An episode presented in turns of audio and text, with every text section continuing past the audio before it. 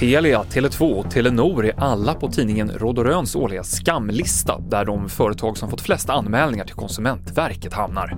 Och det är telekombolagens kundtjänster som är orsaken till anmälningarna. Det är både svårigheten att, att faktiskt få tag på dem men också svårigheten att faktiskt få hjälp med mm. det problem som man har drabbats av. Och det är där jag tror den stora frustrationen ligger i att man som, som kund jag tror man har förståelse för att saker och ting kan gå fel men då räknar man nog med att det här företaget löser det och löser det ganska snabbt. Så att man då blir sittande gång efter gång i telefonköer och blir mm. lovad hjälp utan att få det, ja men det leder till superstor frustration. Det sa Råd och Röns chefredaktör Daniel Kjellberg.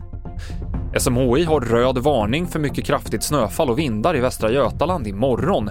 Det kan orsaka stora problem i trafiken, men eh, redan idag så ställer snön till en del oreda. Både spårvagnar och bussar har svårt att ta sig fram och resenärer får räkna med förseningar och inställda avgångar.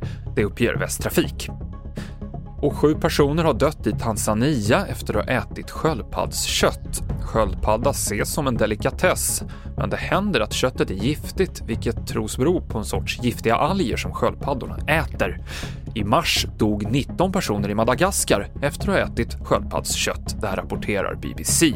Fler nyheter finns i appen TV4 Nyheterna. Jag heter Mikael Klintevall.